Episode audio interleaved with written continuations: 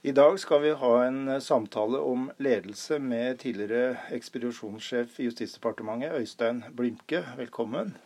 Takk skal du ha. Eh, og Utgangsspørsmålet her er rett og slett hva har du lært om ledelse? Det jeg er ute etter, er å få fram dine innsikter og dine erfaringer, dine lærdommer om ledelse gjennom eh, et langt liv. Men før vi går nærmere inn på det, så vil jeg gjerne vite hvem er Øystein Blinke? Ja, Øystein Blimke har nå nådd en alder av 73 år og jobbet som ekspedisjonssjef eh, helt frem til 2016. Dels ledet jeg politiavdelingen i Justisdepartementet, dels ledet jeg administrasjonsavdelingen. Jeg har også ledet Direktoratet for sivilberedskap i en eh, kortere periode. Min men min ledererfaring er i all hovedsak knyttet til offentlig forvaltning og eh, departementsledelse primært. Altså administrativ departementsledelse, nært knyttet opp mot den politiske ledelse. Mm. Jeg antar at du har familie og at du har et, eh, interesser utenfor arbeid. Får høre bare kort om det. Ja, etter at jeg sluttet som ekspedisjonssjef i Justisdepartementet, så har jeg vært så heldig å få oppdrag både først et eh, forskningsoppdrag knyttet til Universitetet i Bergen. Eh, for tiden så jobber jeg med et utredningsoppdrag for eh, Politidirektoratet og Oslo politidistrikt eh, med arbeidstittelen eh, 'Lovers funksjonalitet'. Ja. Det høres jo pretensiøst ut, men innholdet i det er å finne ut hvilke rettslige rammebetingelser eh, politiet har å jobbe etter når eh, eh, alvorlige lovbrudd skal avdekkes og rettsforfølges. Det som også er interessant ved deg, en hel masse faktorer, det er at du ikke er jurist, men du er, du er statsviter. Ja, jeg har jobbet med jurister i 40-50 år, og i min tidlige karriere så helt opp til ekspedisjonssjefsnivå så ble jeg kalt for ikke-juristen i Justisdepartementet. Men eh, etter hvert utover i 80- og 90-årene så kom det et godt tilsig av både økonomer og samfunnsvidere inn i Justisdepartementet. Så jeg har ikke vært noe ensom svale i så måte, men eh, det har vært en veldig givende tid sammen med jurister. Og jeg tror vi har fått til et delt en del tverrfaglig forståelse, også som har hatt betydning for ledelsesfunksjonen i departementet. Mm. Eh, jeg har i den serien her også en ideologi på at ledelse må kobles til kontekst. Eh, og Derfor er det interessant å spørre deg nå om, eh, litt om departementet som organisasjon. Hva særpreger et departement med dine øyne, sett som en organisasjon?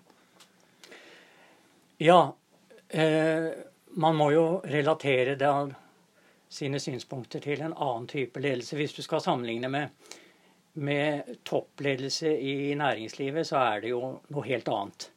Altså en, en, toppleder, enten det er en departementsråd eller en ekspedisjonssjef i et departement, har jo ikke bare en hel rekke med rettslige rammebetingelser å forholde seg til, men han har også en konstitusjonell setting med både politiske rammebetingelser som lederskapet skal fungere etter. Så det er jo kravene, uten å fornærme ledere i privat næringsliv, så må man jo kunne si at um, i tillegg til tradisjonell lederforståelse og lederatferd, så må du ha, for å gjøre en god jobb, tror jeg, i, i topp toppen av eh, et departement må du ha en ganske dyp samfunnspolitisk innsikt og en veldig klar rolleforståelse. Hvilke verdier mener du gjennomsyret eh, Justisdepartementet i den tiden du arbeidet der?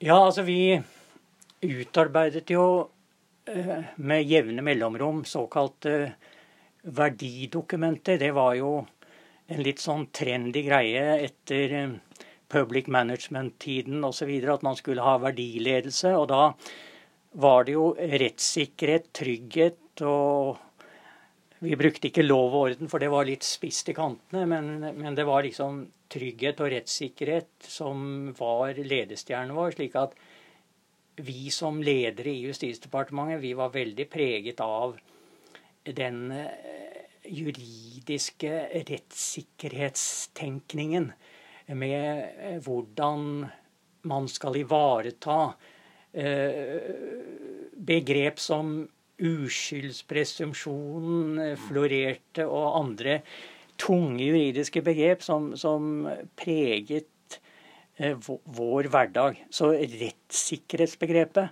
hadde en veldig sterk forankring i hele vår ledelsesatferd. Så det var vel den sterkeste og klareste verdiforankring vi også jobbet etter. I hvert fall i de eh, roller som jeg hadde i departementet. Det er også interessant å høre litt om hvordan ledelses- og styringsprosessene var i eh, departementet. Bare en skisse av det, så vi får et bilde på hvordan det var? Ja, det er et uh, interessant spørsmål. Der har vi nok uh, Jeg vet ikke om jeg hadde vært så selvkritisk uh, i, i, posisjon som nå som jeg er utenfor, men vi repeterte jo mål og styringskonsepter hvert tredje-fjerde år og laget målregimer og delmål og det ene med det andre innenfor hver sektor, enten det var kriminalomsorgssektoren osv. Vi, vi var etter min mening for mye preget av en slags regelstyrt ledelse, hvor vi viste til virksomhetsplaner og mål og styringsdokumenter, og satt og krysset av på om vi hadde oppnådd ditten eller datten, slik at den mer myke og, og Eh, løsrevne ledelse fra selve regelstyringsledelsen, den så man lite til.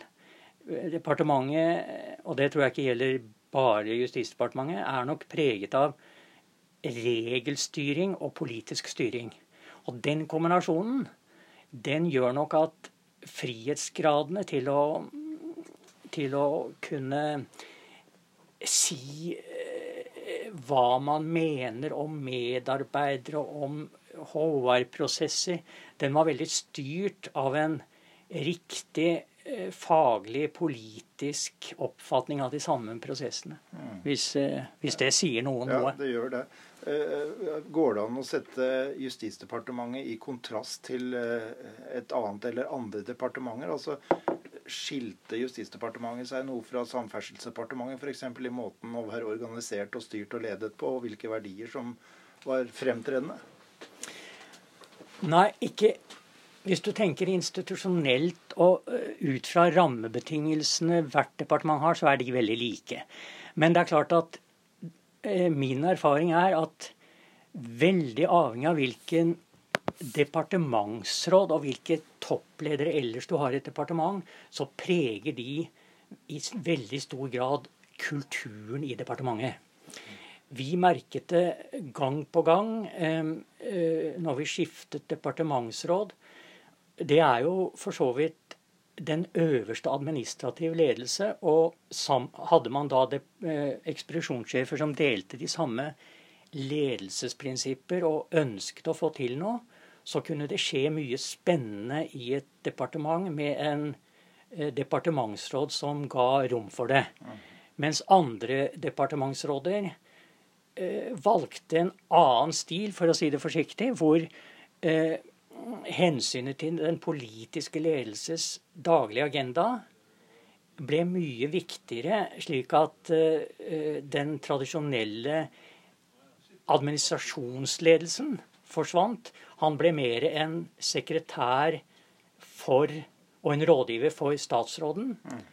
Slik at eh, ekspedisjonssjefene, som var veldig faglig eh, tilknyttet, fikk et større handlerom, men samtidig innordnet seg veldig den politiske agendaen. Så dette, eh, summa summarum, vil jeg si at til spørsmålet ditt Det er veldig personavhengig hvem du velger som deprod. Mm som avgjør et departements kulturelle identitet.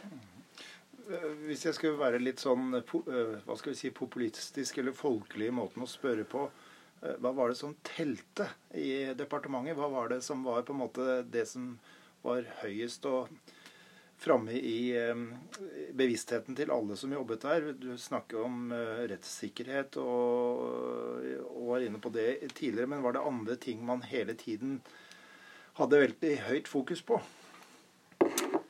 Ja, og det selv om, selv om en Ap-statsråd og en Venstre-statsråd og en Høyre-statsråd på papiret har ulike kriminalpolitiske tilnærminger, så er vel min erfaring at eh, det var veldig personavhengig hvordan eh, vi profilerte de ulike eh, områdene. Med én statsråd så kunne det være kriminalomsorgen som var i, i, fokus. Hvordan man behandler og rehabiliterer de som er straffedømte. Eh, med en annen statsråd så kunne det være den mer skarpe siden. Hvordan skal vi få et beredskapskonsept her i landet som eh, kan forebygge og forhindre all mulig kriminalitet og, og terror.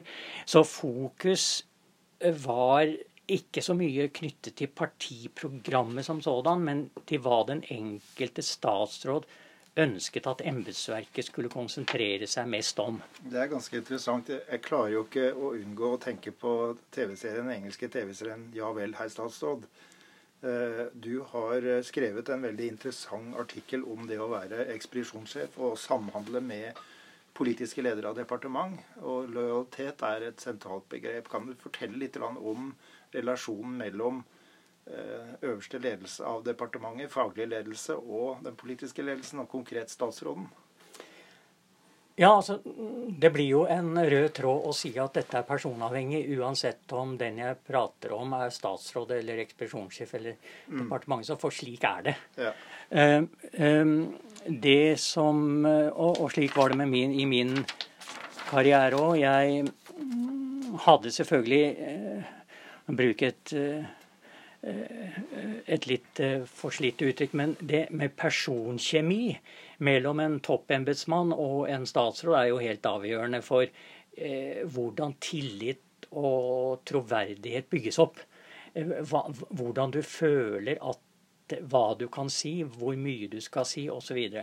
Eh, ideelt sett så burde det ikke være slik. Man, man burde ha en åpen dialog. Men, men men eh, slik fungerte det. Og jeg, jeg må jo si at eh, det jeg prøver å få frem eh, tydeligst i den artikkelen du viser til, det er vel at min erfaring og min opplevelse av å være en positiv og god leder, det var at jeg var åpen overfor eh, statsråden min om mine verdipreferanser, men eh, samtidig gjorde han sikker på at i mitt daglige dont så ville jeg ivareta hans politiske synspunkter og bruke min profesjonalitet til å bygge opp argumentasjon pro kontra et, et beslutningspunkt på en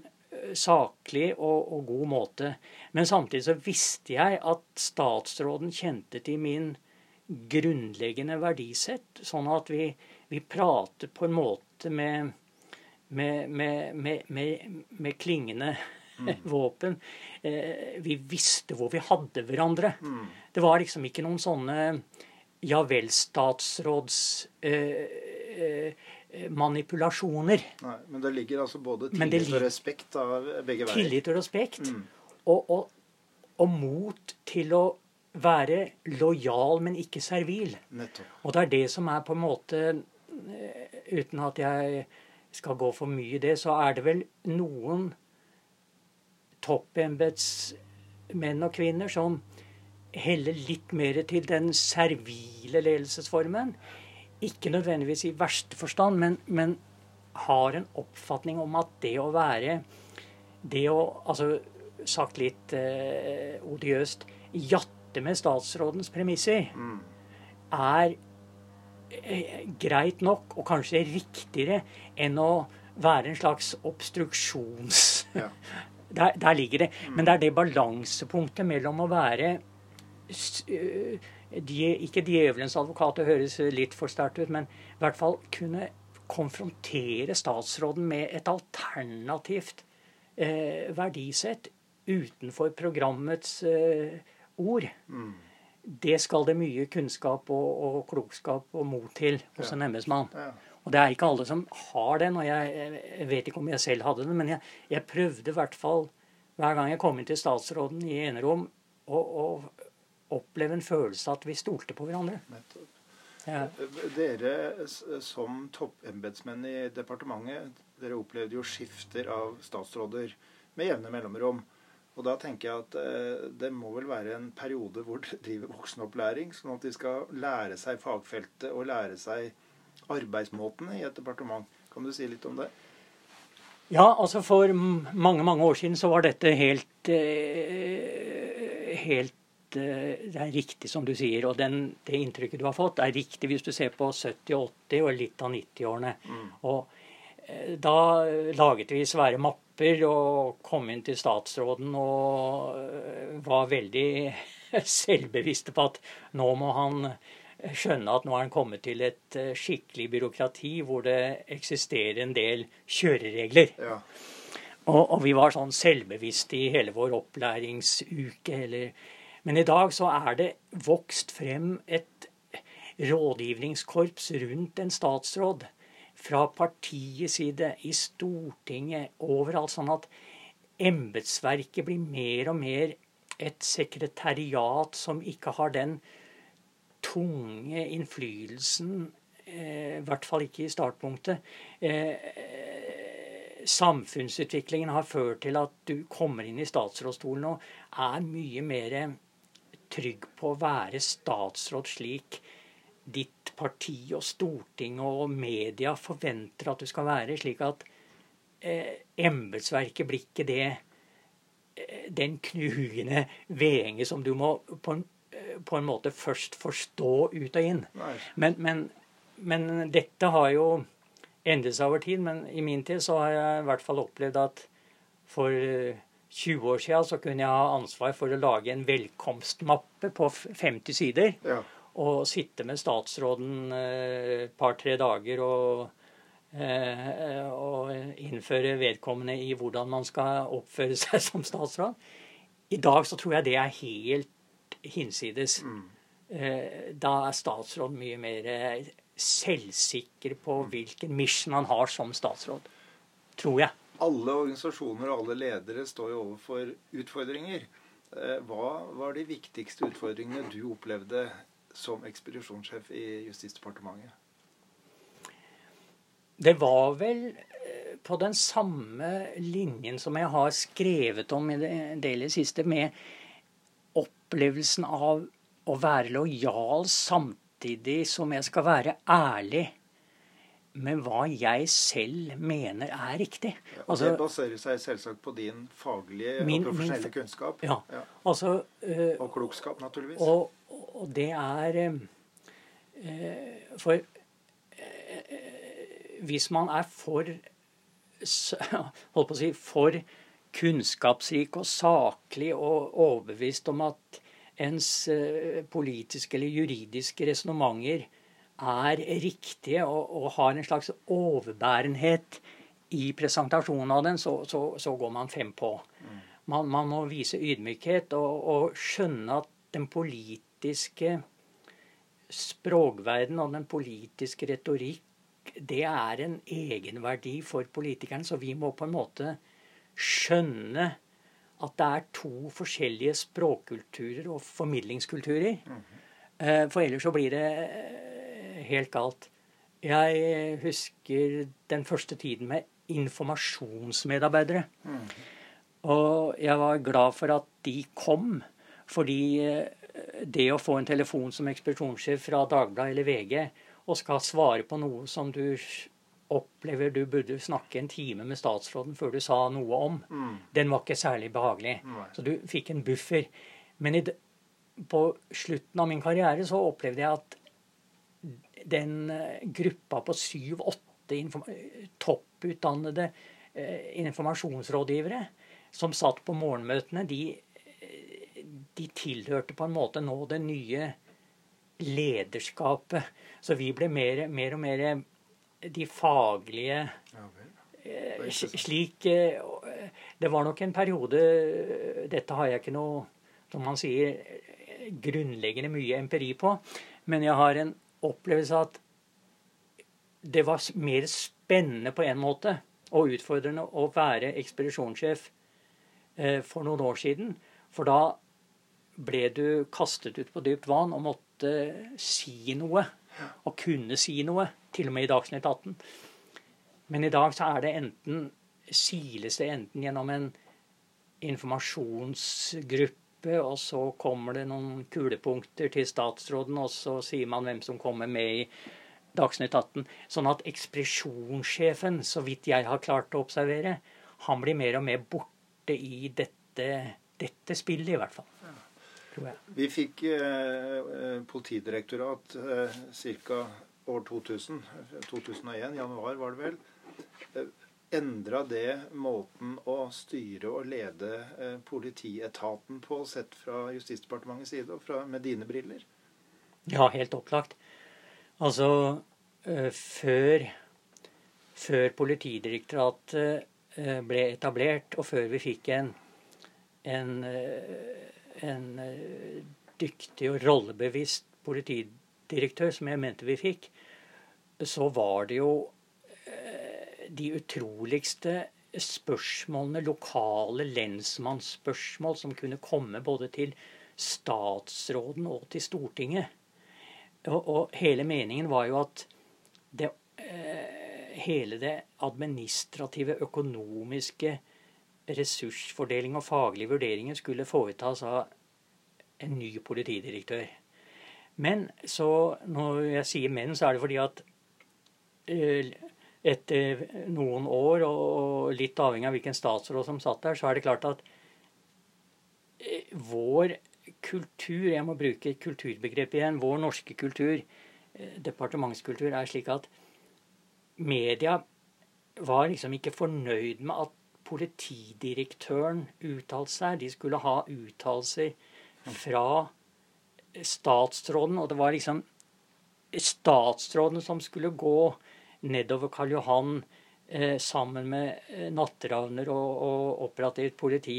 Ikke en ikke, ikke, ikke, ikke politidirektør Altså politidirektøren skulle være med, men dette, dette er Det jeg sier nå, det er et stadig tilbakevendende spørsmål som ikke er løst. Det gjelder rollefordeling mellom statsråden som politiets formelt og konstitusjonelt sett politiets leder. Mm.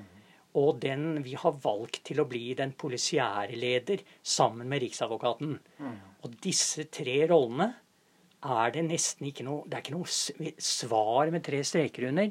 Vi må bare overlate det til eh, den enkelte persons rolleforståelse. Eh, om dette skal gå bra eller ikke. Så, og debatten innen senere tid med ny politidirektør eh, og enkelte politiske toppledere viser jo hvor hvor eh, ømfintlig disse grensedragningene er mellom hva politikerne oppfatter å være sitt bord, mm. og det politidirektøren og andre mener er hennes bord. Akkurat.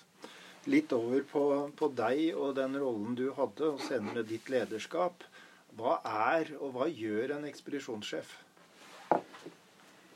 Og det er et eh, meget vidt spørsmål. Altså En ekspedisjonssjef i Justisdepartementets politiavdeling eh, må jeg si uten uten å sette det andre ekspedisjonssjefer i, i noen eh, gal situasjon. Men den, den, er særdeles krevende. Fordi eh, du har en etat som er Det er liksom den sivile, det sivile maktapparat. Mm.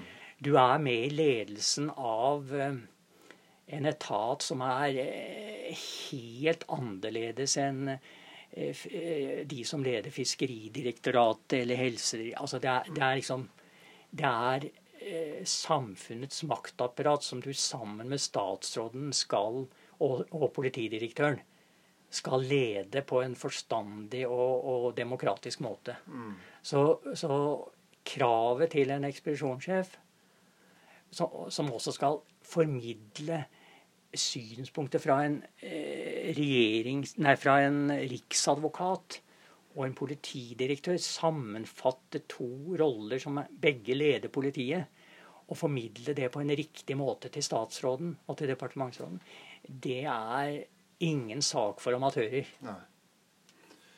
Ledelse det kan jo forstås på en hel rekke ulike måter og perspektiver. Eh, jeg syns det er eh, viktig å ha med seg at ledelse er samspill. Eh, da du satt som ekspedisjonssjef, så hadde du åpenbart noen medledere, som du kan kalle det. Hvem var de viktigste samspillspartnerne dine i ledelsen av departementet? Altså, det var jo i og for seg ekspedisjonssjefsgruppen, men det var jo lederen for Lederen for eh, Altså, Lovavdelingen hadde jo mange av de lovene som politiet hadde som sine rettslige rammebetingelser. Slik at eh, For å forstå og praktisere loven og kunne si noe fornuftig til etaten om hvilke lover som gjelder og rammebetingelser, så måtte du ha, ha godt samarbeid med Lovavdelingen. I tillegg disse det vi kaller for straffesakskjedens aktører. Altså kriminalomsorgsavdelingen og domstolsavdelingen.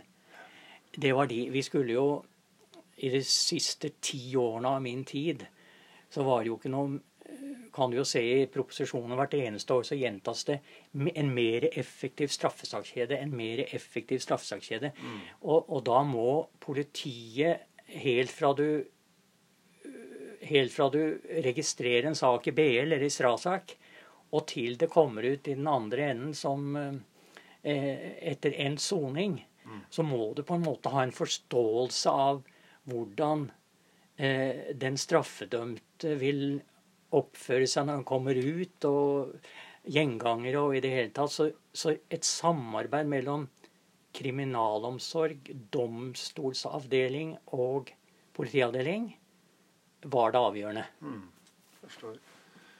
Um, hvis du skulle Ja, vi har vært inne på lojalitet. Um, men, men um, jo, det jeg vil inn på, det er uh, Har du noen synspunkter på, at, på ledelse knytta til jurister og den juridiske faglige bakgrunnen? Altså, vår, vår, eh, altså Justisdepartementet og politietaten er jo befolket av, har vært eh, befolket av jurister i lederposisjoner i veldig mange år. Eh, vi har diskutert det ved Politihøgskolen noen ganger, men vi, har, altså, vi, kan ikke trekke noen tre streker under svaret, som vi sier. Men har du noen synspunkter på hvilken betydning det har? Du har vært inne på det at det var at regelstyring har vært veldig framtredende. Er det andre momenter du kan peke på? Ja, altså eh, Jeg tror at eh, respekten for hverandres profesjon og utdannelse, om du er økonom, statsviter eller jurist i departementet i dag, er relativt stor. Jeg sier relativt stor fordi eh, i 70- og 80-årene, når jeg startet, så var det jo en dominant juridisk kultur. Mm. Eh, og, og, og, eh, mange av mine eh, juridisk utdannede kolleger innrømmet jo for så vidt etter hvert i 80- og 90-årene at eh, vi har hatt en altfor sementerende oppfatning av vår egen eh, profesjons eh, rolle og betydning. Eh, de har ikke tatt nok hensyn til samfunnsendringer som gjør at det er ikke bare å lese Bratholm og Andenes og, og, og, komme frem til riktige konklusjoner ut fra mm. lovens bokstav. Mm. Er, og, og, veldig mange av de beste juristene, må jeg si, vi hadde, også i Lovavdelingen, Eh, var for meg veldig fine å samarbeide med, for de hadde det jeg kaller både respekt for den profesjonen jeg tilhørte, samtidig som de var villige til å diskutere svakhetene ved sin egen eh, profesjon og sitt eget eh, eh, skal ikke nesten eh, sitt eget språk. Mm. Eh, og dermed så fikk du dette tillitsforholdet mellom ulike profesjoner. Ja. Men, eh, men, det har jo vært mangt et revynummer også i, i Justisdepartementet om juristenes dominans og på en litt sånn morsom, harselerende måte. Er, men, men, jeg tror de, den tiden er over hvor, hvor eh, juristene kunne nær sagt gjøre hva de ville ut fra sin språk, eh, sin språkgruppes mm, begrep. Ja. Ja. Eh, ledelse er et mangslunget og diffust begrep for mange, eh, men alle jo, oppfatter seg som eksperter på det. Hva er din generelle forståelse av eh, ledelse? Som begrep, fenomen og som praksis? Ja, det er jo også et svært spørsmål. Jeg, jeg er vel kommet til at det er Det er så grunnleggende forskjeller i hva god ledelse er for en ekspedisjonssjef i Justisdepartementet eller en, en, operativ leder i Norwegian flyselskap. Altså, det, er, det er liksom øh, Men du kan også innenfor statlig virksomhet så er det også veldig stor forskjell. Men det er noen grunntrekk en toppleder øh, gjør seg tilliten verdig på. Mm. Så, så jeg, jeg, står ved det at hvis man kombinerer generell ledelsesforståelse med eh, den virksomhetens premisser som du skal lede i, mm. så, så, gjenstår det en, en, kjerne av verdier eh, som går på ledelse per se, mm. som du sier, generelt.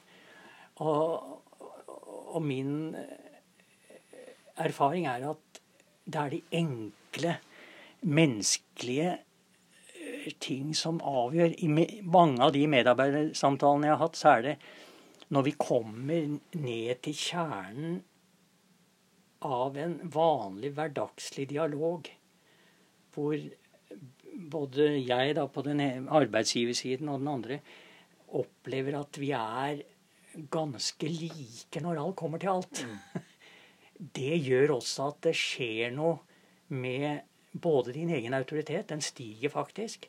For du, du, du, kaster av deg et sånt eh, lederskall. Altså du, du, mm.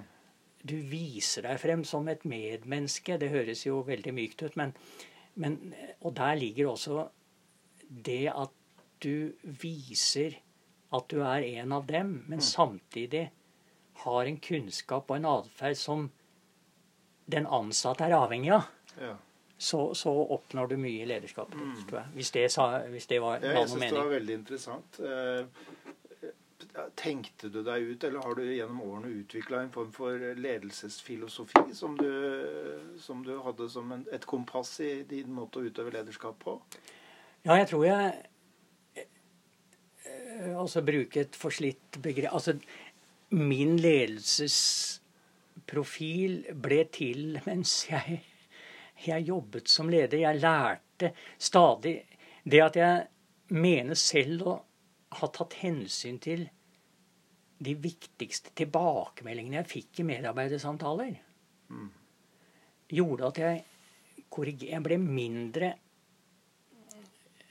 mindre preget av å være leder altså, jeg ble mindre preget av å måtte konstatere eh, min formelle lederrolle.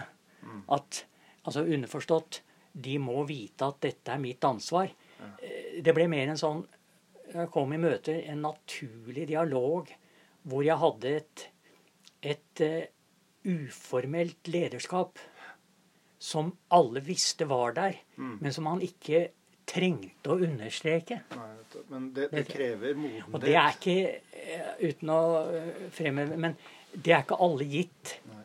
Og det er mange ledere som går på lederkurs, og det holder, men de har ikke den egenskapen i seg likevel. Så da nytter det som regel ikke. Nei. For det er noe Det er en kjerne i ethvert menneske som gjør at du inviterer mer til tillit hos dine medmennesker enn andre. Ja. Og det, det går ikke an å lære. Nei. Erfar Tror jeg. Altså lære i boklig forstand, men Nei, du lærer, du lærer erfaringslæring. Ja, ikke sant? Og gjennom utvikling og av evne til å, til å korrigere din egen atferd. Mm. Innse at du, at du ikke er verdensmester, Nettopp. selv om du har blitt departementsråd. Ja. Hva, hva, hva, hva har vært drivkraften gjennom din karriere som leder? Hva er det, hva er det som har drevet deg? Det er vel fordi jeg har jobbet alle lederårene mine i offentlig forvaltning, så er det gleden og opplevelsen av å være med å forme en, et viktig politikkområde. Altså eh, justissektoren med eh, redusere kriminaliteten, få folk til å være mer skikkelige og ærlige mot seg sjøl og mot andre. Få samfunnet til å bli et rettssamfunn som gjør at vi kan gå med senkede skuldre. Liksom være med på et såpass viktig samfunnsoppdrag. Mm.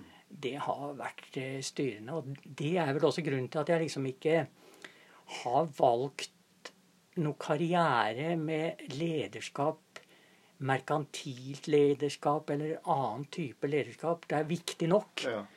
Men, men for meg så er det samfunnsengasjementet. Der lå både drivkraften og Der lå drivkraften drivkraften og meningen. Ja. Mm. For meg, da. Interessant. Har ditt lederskap endra seg? Hvis du prøver å ta ett eller to skritt tilbake og se på din egen karriere som leder, har du endra lederskapet ditt gjennom årene? Ja, altså Det er jo helt opplagt. Når jeg var 30-40 år, så var jeg mer sånn i dobbelt forstand høy og mørk. Eh, og, og, og kunne være mer sånn karri, litt negativ karrierebevisst. Mm. Hva legger du i det? At du på en måte gir inntrykk av at uh, det er alltid andre som eh, Hvis du har hørt liksom når folk får en ny stilling, så sier de Det er liksom aldri noen som innrømmer at de higer etter en høyere stilling. Det er omstendighetene som liksom har plassert dem der. Ja. Og, og jeg var vel også sånn at man, eh, man prøvde å Jeg innså vel når jeg ble 50 pluss, at uh, uansett hvor eh, ydmyke de fremstiller seg og bruker det ordet fem ganger i et intervju for hvorfor de er blitt toppleder, Mm. så er de egentlig drevet av en slags eh, Ikke selvforherligelse, men, men troen på at eh, de er de rette ledere Ja. som kan lede andre. Men det kan man liksom ikke si. Og, og det er vel den selverkjennelsen hvor jeg kan av og til forhåpentligvis bruke ironien og, og være litt uh, selvironisk. Den har steget etter hvert med årene, sånn at jeg også prøver det overfor mine medarbeidere og avvæpne meg selv og andre med at uh, vi er veldig like i det og skal opp og frem. Men vi, vi har så mange forskjellige måter å formidle det på. Ikke sant? Hvis det, hvis det Ja, det sier noe. gjør det. Eh, hvis vi nå helt til slutt skulle prøve å sammenfatte eh, hva er dine lærdommer? Hva har du lært som leder? Hva er dine innsikter som du kanskje kan klare å få, få eh, komme fram i noen punkter som en form for ekstrakt? Det blir jo veldig sånne enkle regler, da, fordi eh, jeg er veldig veldig vaksinert mot sånne strate de som skal bruke strategisk lederskap og, og, og sånn for Altså, de, de putter lederatferd inn i systemer og, og bokser. Jeg er veldig opptatt av det genuine opplevelsen du har i møte med medmennesker. Altså spille på tillitsdimensjonen. Respekt for hverandre, dialogen, din evne til å formidle kunnskap uten å virke belærende. Altså, eh, jeg er mer og mer kommet til at de første minuttene. Du treffer nye som eh, Hvis du er i toppleder og kommer i en møte La oss si jeg kommer i møte med stortingsrepresentanter eh, som embetsmann. Det har jo hendt. Så, så, så jeg veld, har jeg blitt veldig klar over at for at de skal oppleve meg og få tillit og respekt for meg som embetsmann, så må jeg vise meg slik jeg er, uten å kapsle meg inn i en lederrolle. Altså, mm. Det er det genuine. Ja.